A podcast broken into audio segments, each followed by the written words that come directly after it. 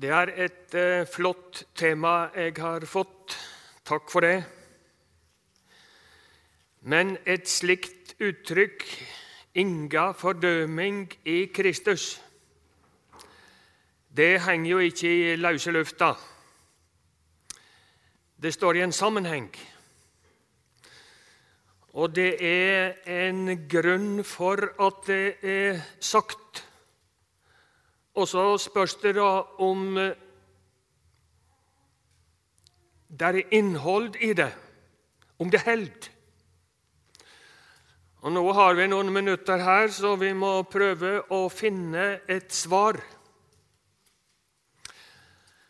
Og så er det ikke Det skal ikke bare være et sånn teoretisk løsning på en nøtt. Men det skal jo også være noe som angår deg og meg, og som har med vårt forhold til Gud og hverandre å gjøre. Og det er jo alltid verre å få til alt dette her på en liten sekvens som dette her. Men eh, vi skal prøve.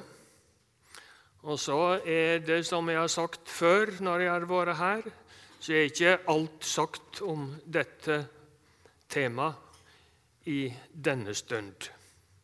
Det meste er faktisk usagt. Skal vi be sammen? Kjære Herre Jesus. Far, Sønn og Heilag Ande, kom til oss nå med din rettledning og veiledning og la vi få merke at dere er her alle tre.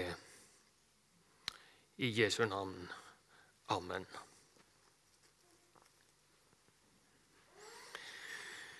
Hvorfor kan Paulus sie det fins inga fordøming for de som er i Kristus? Og hva er det å være i Kristus? Hvis noen lurer på det, så kan dere bare tenke dere Kristus som et hus, og så går dere inn der, og alt som er inne i det huset, det har med Han å gjøre. Da har du hele Jesu verk. Da er du i Kristus. Det som eh, apostelen trekket lettelsens sukk, for nå har han snakka om alvorlige ting i romerbrevet altså skrevet til verdenshovedstaden Rom, dette her, til de kristne som var der. Og så eh, er dette her sagt i ei setting som er veldig forskjellig fra, vårt, fra vår. Der de visste hva lov og påbud og Guds regler og absolutte krav var. Det veit ikke vi så godt. Men eh, hva dette her Paulus doserer om da, og så snakker han om at det går ikke an å bli rettferdig for Gud med det en prøver å prestere sjøl. Nei, vi er maktesløse, men Gud fant en frelsens vei for oss. Og Nå kan ikke vi lese så veldig mye av denne sammenhengen her vil vi prøve litt ifra vers 14 i Romerbrevet kapittel 7. Og der heter det slik Vi veit at lova er åndelig, men jeg er av kjøtt og blod, selv som slave til synda. Og så Nå må dere høre noe merkelig her. For jeg skjønar ikke hva jeg sjøl gjør. Det jeg vil, det gjør jeg ikke. Og det jeg avskyr, det gjør jeg. Er det sånn i ditt liv? Men gjør jeg det jeg ikke vil, da gjev jeg lova rett i at hun er god så er det ikke jeg som gjør det, men synda som bor i meg. For jeg veit at i meg bor det ikke noe godt. Det vil seia i kjøtet mitt. I min persons sentrum, altså. Det er ikke kjøtttrevlene, det som ligger på panna, vi snakker om her. Viljen har jeg, men å fullføre det gode makter jeg ikke. Det gode som jeg vil, det gjør jeg ikke. Men det vonde som jeg ikke vil, det gjør jeg. Men gjør jeg det jeg ikke vil, da er det ikke jeg som gjør det, men synda som bor i meg. Så finner jeg altså at denne lova gjelder for meg. Jeg vil gjøre det gode, men kan ikke annet enn gjøre det vonde. Mitt indre menneske sier med glede ja til Guds lov, men i lemene mine kan jeg sjå ei anna lov. Hun ligger i strid med lova i mitt sinn og gjør meg til fange av syndelova som er i lemmene. Og så er det som Paulus kollapser. Eg, arme menneske. Hvem skal fri meg fra denne dødens kropp? Gud være takk. Ved Jesus Kristus, vår Herre. Slik jeg, slik er altså jeg med sinnet tjener jeg Guds lov, men med kjøtet tjener jeg syndelova. Så fins det da inga fordøming for de som er i Kristus Jesus. Og så hopper vi over vers 2 og les vers 3. Det som var umulig for lova, siden hun sto maktløs fordi vi er av kjøtt og blod. Det gjorde Gud. Han sendte sin egen sønn til syndoffer i samme slags kjøtt og blod som syndige mennesker har, og helt dum over synda i oss. Det var bibelordet. Så skal vi eh, prøve å nøste litt opp i dette her. Dette at det er ingen fordømmelse. Da forstår vi at eh, bakgrunnen må da være at det er noen som eh, er på jakt etter oss, noen som vil fordømme oss. Ellers har ikke det vært nødvendig å tatt opp.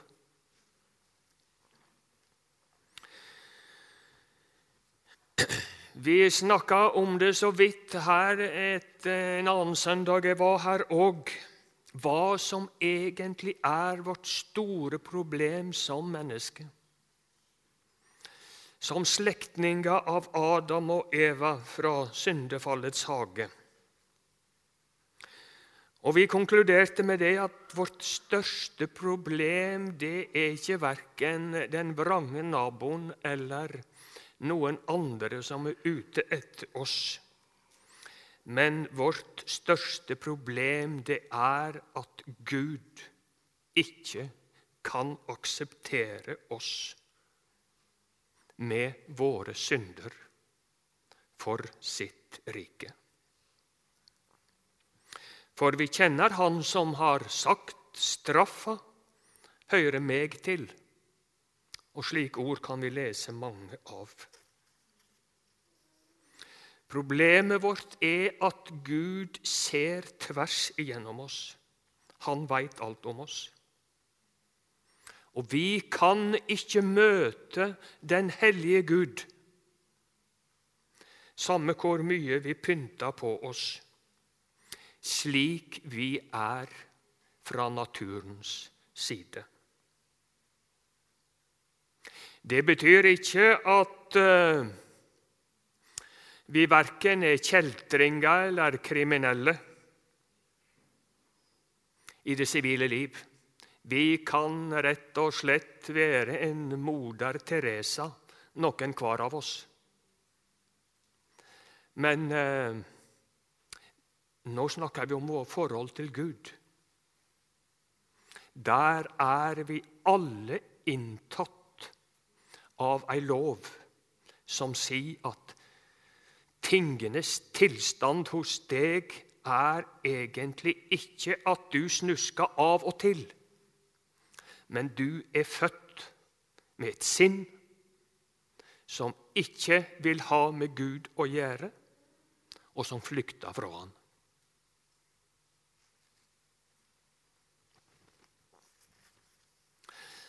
Men så står det altså at Gud elsker verden.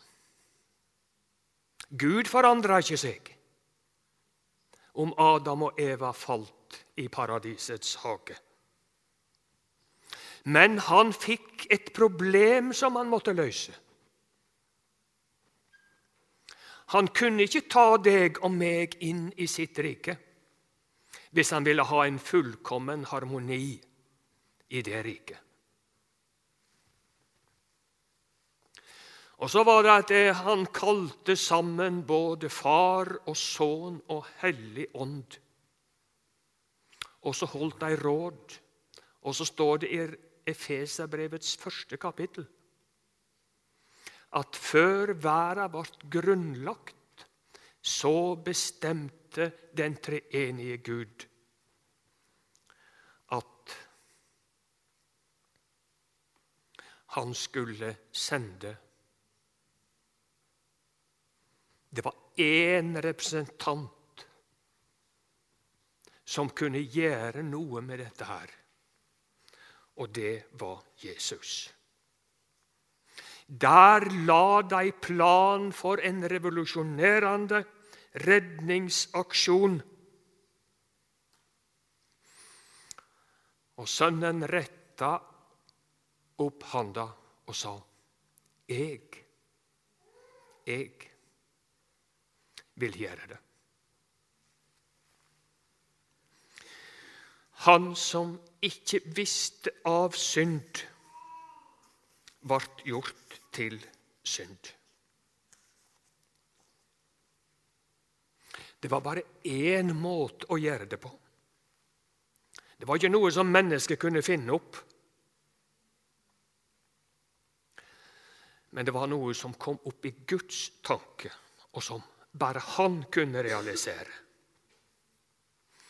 Han måtte sende den skuldløse inn i verden.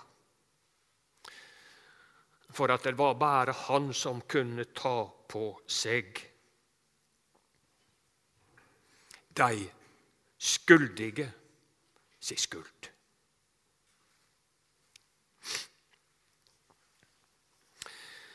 Før vi går videre, så skal vi ta en tur til eh, Tyskland.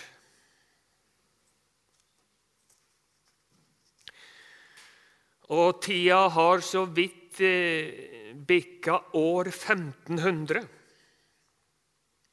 Og en ung og alvorlig mann i Saksen i Tyskland, han går i kloster. Han er bare ca. 20 år. Men han har vært lenge plaga av vond samvittighet. For Martin Luther, han ville være rettferdig for Gud.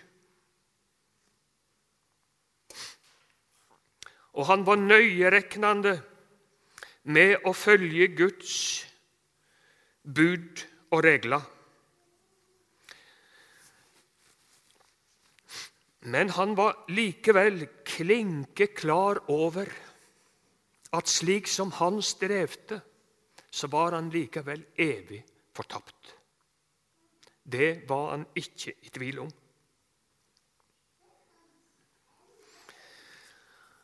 Visst prøvde han på alle mulige måter å gjøre gode gjerninger. Men han følte at Gud sto over han likevel og var klar til å dømme han.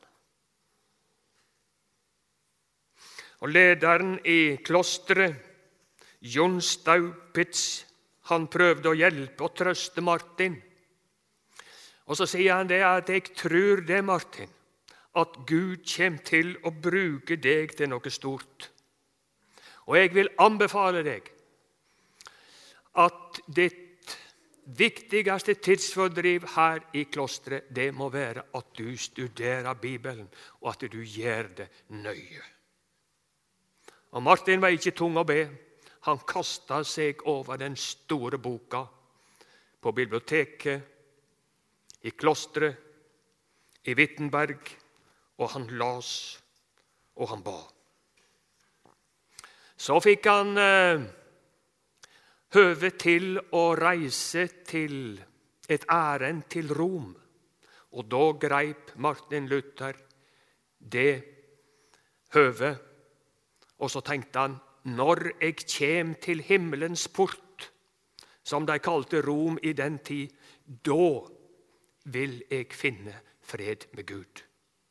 Og Da skal jeg bruke tida godt i Rom, og jeg skal komme hjem igjen som en ny mann. I Rom så er det ei, ei trapp som heter Den hellige trappa. Og Paven hadde jo funnet på mye rart i den tid, bl.a. det at de som kraup på sine kne opp den trappa, den ville få avkorta tida si i skjærselden med 15 år. Og selvfølgelig Luther. Når han kom til den hellige trappa, så la han seg på kne. Og så begynte han å be, og så begynte han å krype. I hvert fall skulle han sikre seg 15 år i reduksjon. Dere har vel eh, lest om i kirkehistoria eh, hvor mye de fant opp i den tida. Ok. Plutselig, mens Martin ligger på kne i den trappa, så følte han at Gud talte direkte til ham. Og Den setninga hadde han lest flere ganger i Romerbrevet. Det står i det første kapittel og i det 17. vers. Den rettferdige skal leve ved tru. Martin stansa opp og så tenkte han på sammenhengen det står i, at evangeliet det åpenbærer Guds rettferdighet uten gjerninger, men ved tru. Kanskje ikke Gud tilbød 15 år i reduksjon i skjærsilden det var nok noe som paven hadde funnet opp. Kanskje, tenkte Luther, tilbyr Gud ei gratis frelse utenom å krype i trapper. Det var for en stor, det var for stor tanke for at han virkelig kunne feste sin lit til det. Så fant jo Luther ut at i Rom der var det en veldig dårlig moral. Også prestene var uærlige, og han reiste skuffa hjem igjen. Og han tenkte med seg at her trenger vi en reformasjon av hele kirka. Men først måtte Luther reformeres. I 1507 ble han ordinert til prest. Og så ble han professor ved universitetet i Wittenberg. Og i 1513 da satt han og forberedte ei preike, og så las han salme, et, salme 31, det første verset. Og der står det Frels meg med di rettferd. Luther hadde alltid blitt uroa når han las om Guds rettferdighet. Han opplevde den truende. Og så kom det til han samtidig det som han hadde hørt, den stemmen han hadde hørt på trappa i Rom. Den rettferdige skal leve ved tru. Og så begynte det å gå opp for han. Det Paulus skriver om her i Romerbrevet, at frelsa, det er en gratis gave. Og alle som tror at Jesus døde for deg, de kunne rett og slett ta imot Guds rettferdighet til frelse, gratis og franco. Og Luther skriver sjøl om den opplevinga. Da jeg skjønte dette, sier han, følte jeg meg fullstendig født på ny. Paradisets porter var blitt åpnet på vidt gap for meg, og jeg hadde gått inn. Der og da begynte hele Skriften å se annerledes ut for meg. Snakker vi om en lang og strevsam vei til omvending og tru. Hvem er det som roper på frelse og berging? Hvem er det? Er det våre gode dager, når sola skinner, kona er grei og barna smiler? Nei. Det er når vi er i nød. Hvem er det som spør om frelse for sine synder? Det er den som er fortapt.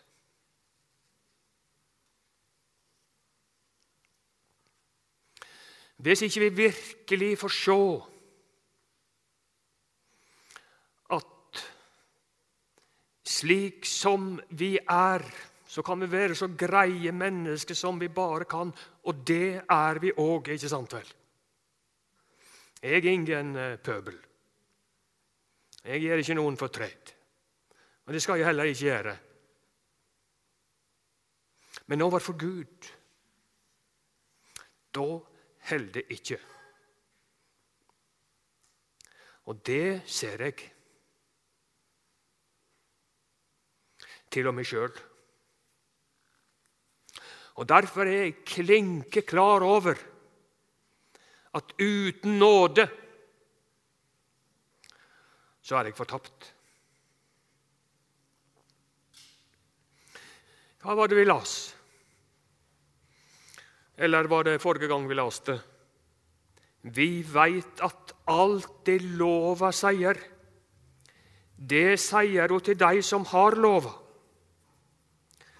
Så hver munn skal teie av heile verda stå skyldig for Gud. Guds lov Vi har talt om det før her. Det er jo Gud sjøl, det. I Hans hellighet, i Hans krav.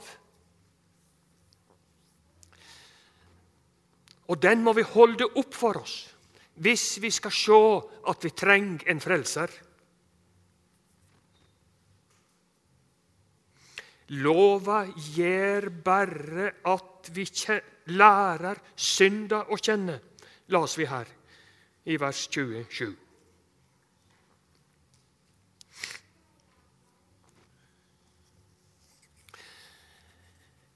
Kan vi eh, gjøre og se dette ut fra egne krefter? Hvordan tenker du om det? Nei, det er noe som heter en hellig ånd. Og katekisma vår hun sier noe om det. At hvis Den hellige ånd kommer inn i vår, våre liv Gud kasta sitt ransakende lys innover våre tanker og vårt sinn. Så begynner det å demre for oss. Hvis vi hører lovens bud, så har lova altså fått ei tjeneste fra Gud i våre liv. Og hvilken tjeneste er det? Jo, den skal fortelle deg at i deg sjøl så er du ikke bare syndig, men også skuldig for Gud. Gjennom budet skulle synda vise seg å være over måte, over all måte syndig, står det i vers 13 i Roman 7. Så litt om en annen person som levde før Luther. litt om Paulus. Han sier jo det om seg sjøl at 'jeg levde ei tid uten lov'. Han som kunne lova på rams. Han som satt som gutt og ung mann ved Gamaliels føtter. Og Det påstås at de som satt ved Gamaliels føtter, de kunne hele Det gamle testamentet utenat. Og Paulus var en som hadde kapasitet til å lagre det han lærte. Hva sier han om seg sjøl?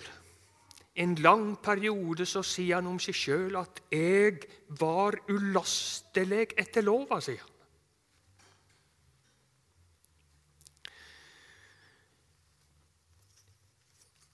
han, det betyr ikke det at han var det i Guds øyne, men i sine egne øyne var han det. Og enda altså, så kunne han lova på rams. Hva er det som eh, er grunnen til dette her?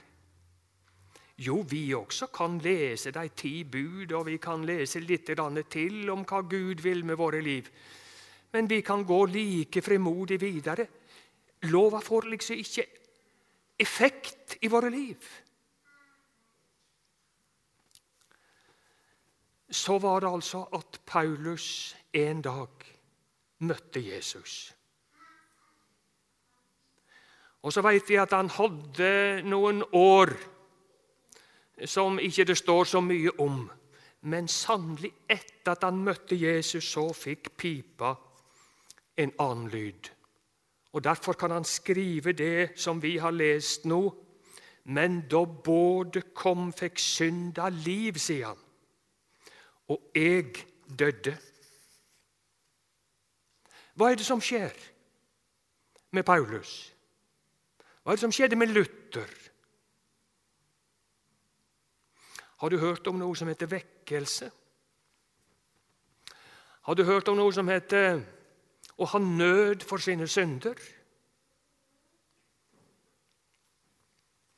Paulus som hadde opplevd seg ulastelig etter lova i mange år. Plutselig så ble han altså en hjelpeløs og fortapt synder. Plutselig så hadde han ingenting å skjule seg bak overfor Gud. Ja, for mennesket var han et prakteksemplar. Absolutt. Men overfor Gud I Jesu nærvær så ble han avslørt.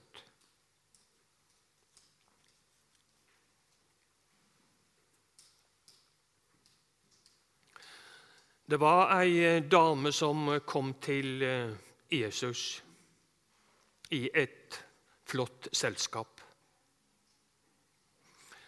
Hun var så nedfor at hun ikke brydde seg om hva folk sa. Men hun kom like inn til eh, festbordet, og så kasta hun seg ned for Jesu føtter.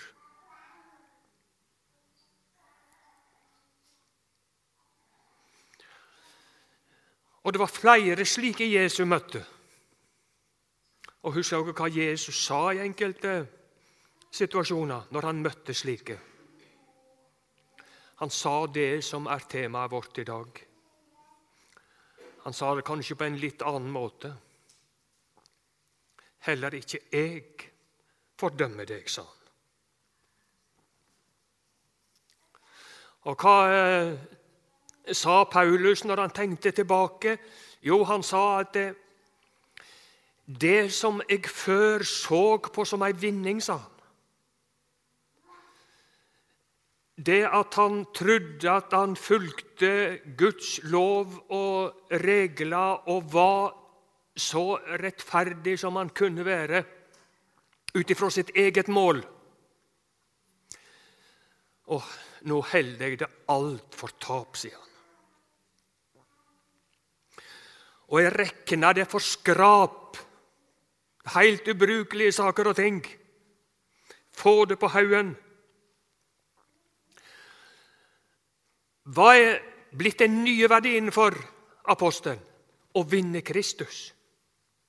Å bli funnet i Han, og ikke med den rettferda som jeg klarte å prestere sjøl. Den som lova kunne gi meg, men med den rettferda vi får ved trua på Kristus.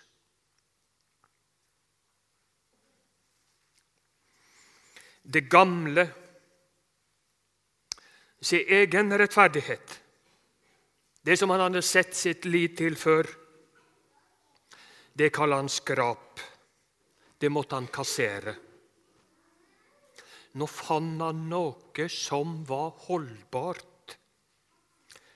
Han vant Kristus.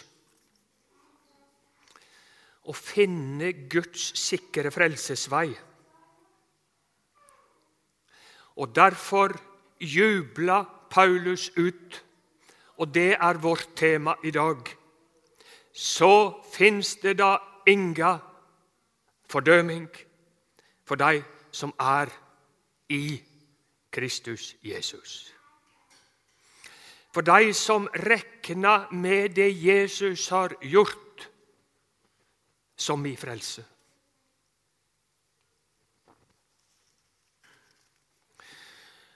Jeg eh, Kona mener i hvert fall at jeg har en eh, aldeles sykelig mani til å bygge saker og ting. Og Så snart jeg ser en hammer, en spiker og ei fjøl, så vil jeg bruke det. Og På hytta så har jeg en fristad som jeg kan bygge saker og ting. Og Når ikke skøtet var stort nok, så må vi bygge et skøt, dere vet hva det er? Det er et hus der vi har ved inni. Så måtte vi bygge på det skøtet. Og som en god sunnmøring så kjøper jeg ikke ny material, jeg bruker den gamle, selvfølgelig. Og Jeg fant, gikk rundt hytta og tok fram all gammel material og la til rette. De skal jeg bruke, jeg skal få opp til skøtet så å si gratis. Og jeg begynte å sage. Ja, jeg så jo at den materialen der den var ikke særlig god, men han skal nok holde. Helt til at jeg begynte å spikre og begynte å kjenne litt på det. Da opplevde jeg Nei, her spikeren glipp jo. Der var altså ikke hold for spikeren i materialet. Og det gikk ikke bedre til at jeg måtte rusle på bålet med all den materialen. Jeg måtte kaste den. Slik også når vi prøver med våre egne iboende krefter, og det er ikke lite, å bygge oss en frelse. Det holder ikke. Det gamle materialet må skiftes ut. Verken Abraham, Luther eller Paulus eller noen annen har klart å gjøre seg sjøl rettferdig for Gud. Flotte folk var det. Visst gjorde de mye bra, prakteksemplarer i samfunnslivet. Men overfor Gud nei.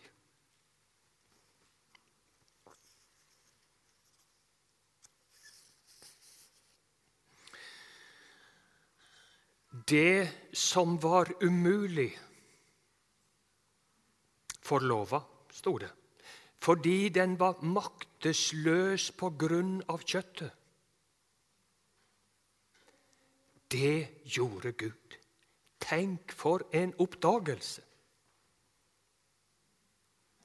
Tenk for en frihet! Her står altså et byggverk. Fiks ferdig. Jesus ropte ut på Golgata. Det er fullført. Det var der han fullførte vår frelse. Og det var bygd med skikkelige materialer. Spikeren held.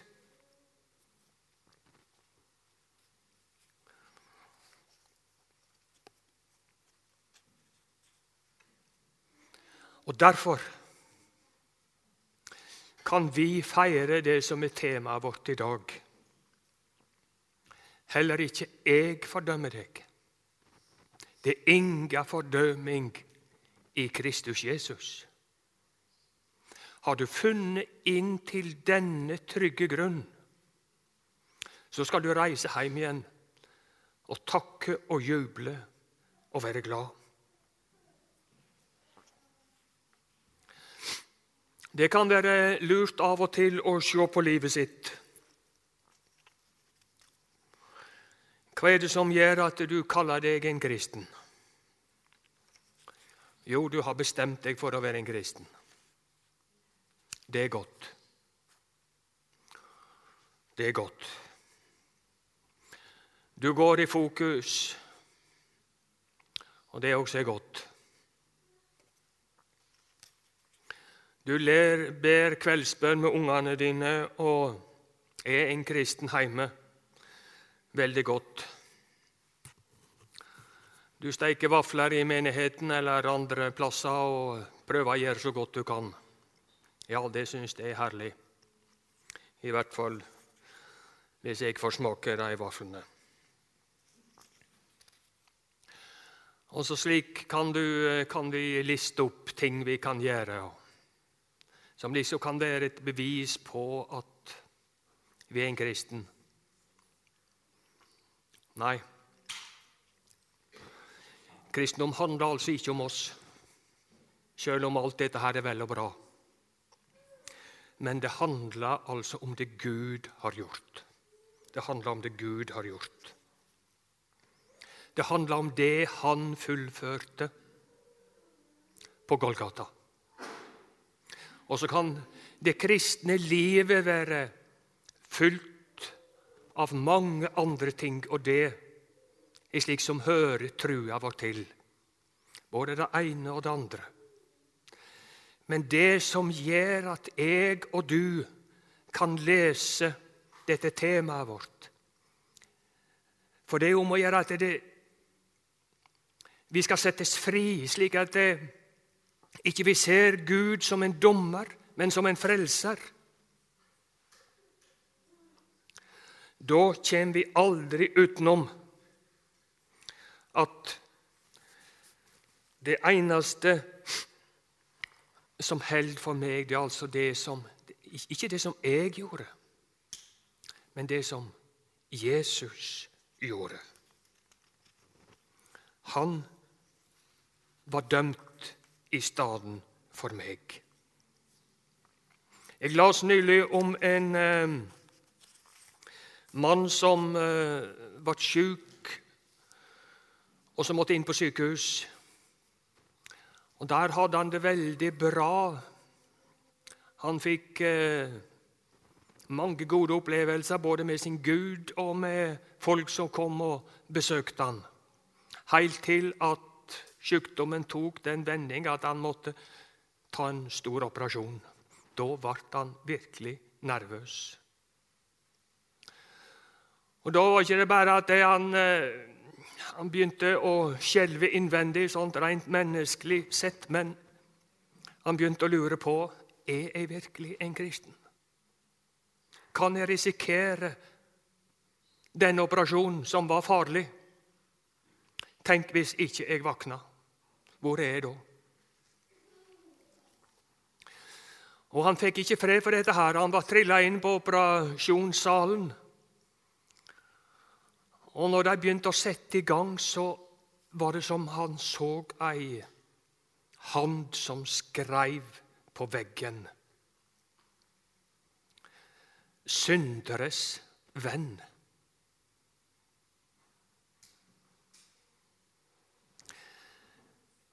Da skriver han slik Da kom Gud til meg med ei fred som overgår all anna fred. Jeg fikk slappe av med at jeg var i Jesu trygge frelserhavn.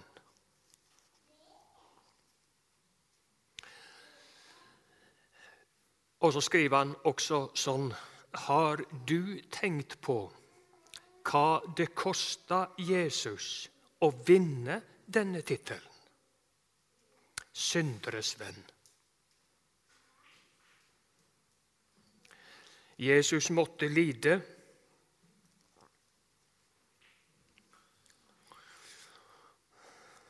Ja, måtte han det? Nei, han ville det for at det han eh, elska deg og meg. Det var noe han gjorde frivillig. For det var den eneste måten for å berge oss.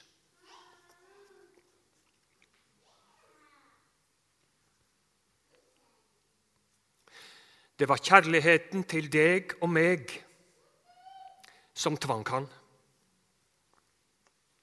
Han ville være synderes venn.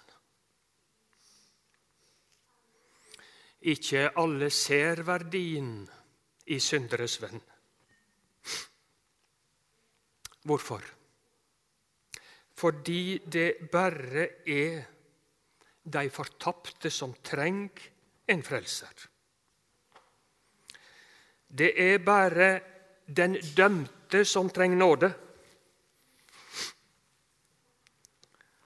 Det er bare den hjelpeløse som trenger hjelp. Og det er bare den håpløse som trenger håp.